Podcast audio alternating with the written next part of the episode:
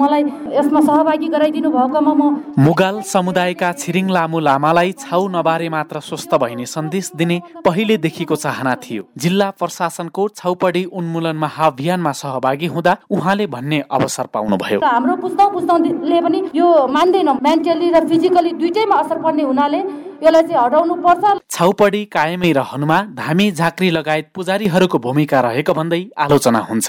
तर छाउपडी उन्मूलन महाअभियान सफल पार्न जुम्लाका धामी झाँक्रीले समेत एकबद्धता जनाए। स्थानीय धामी पूर्ण सिंह कठायत केही कमी कमजोरी हामी जस्तै यो अवस्था सिर्जना भएको सबैले बुझेमा र हामी धार्मिकहरूले पनि यो कुरा लुकेको कुरालाई हामीले उजागर गर्न सक्यौँ भने छाउपडी प्रथाको स्रोत अन्त्य महिला सुरक्षित हुनेछन् समाजमा मेलमिलापको वातावरण र महिला हिंसाको पनि अन्त हुने छ भन्ने मैले दृढ विश्वास दिएको छु।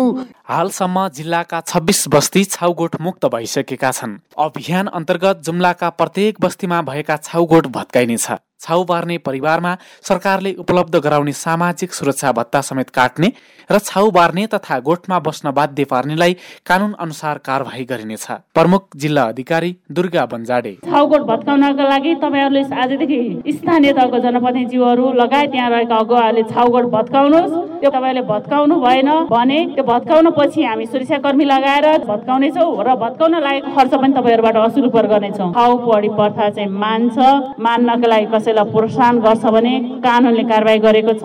सामाजिक सुरक्षाका भत्ताहरू तपाईँहरूले पाउनुहुन्छ नि त्यो भत्ता रोकिनेछ। महिनावारी भएको समयमा महिलामाथि गरिने विभेद कानुनले समेत जघन्य अपराध मानेको छ। केही दिन अघि सरकारले छाउपडी मान्ने र मान्न लगाउनेको सबै सेवा सुविधा कटौती गर्न निर्देशन दिएपछि स्थानीय प्रशासनहरू विभिन्न अभियान सञ्चालनमा केन्द्रित भएका हुन्। मानबहादुर कुँवर सिआइएन रेडियो खुल्ला आकाश जुम्ला।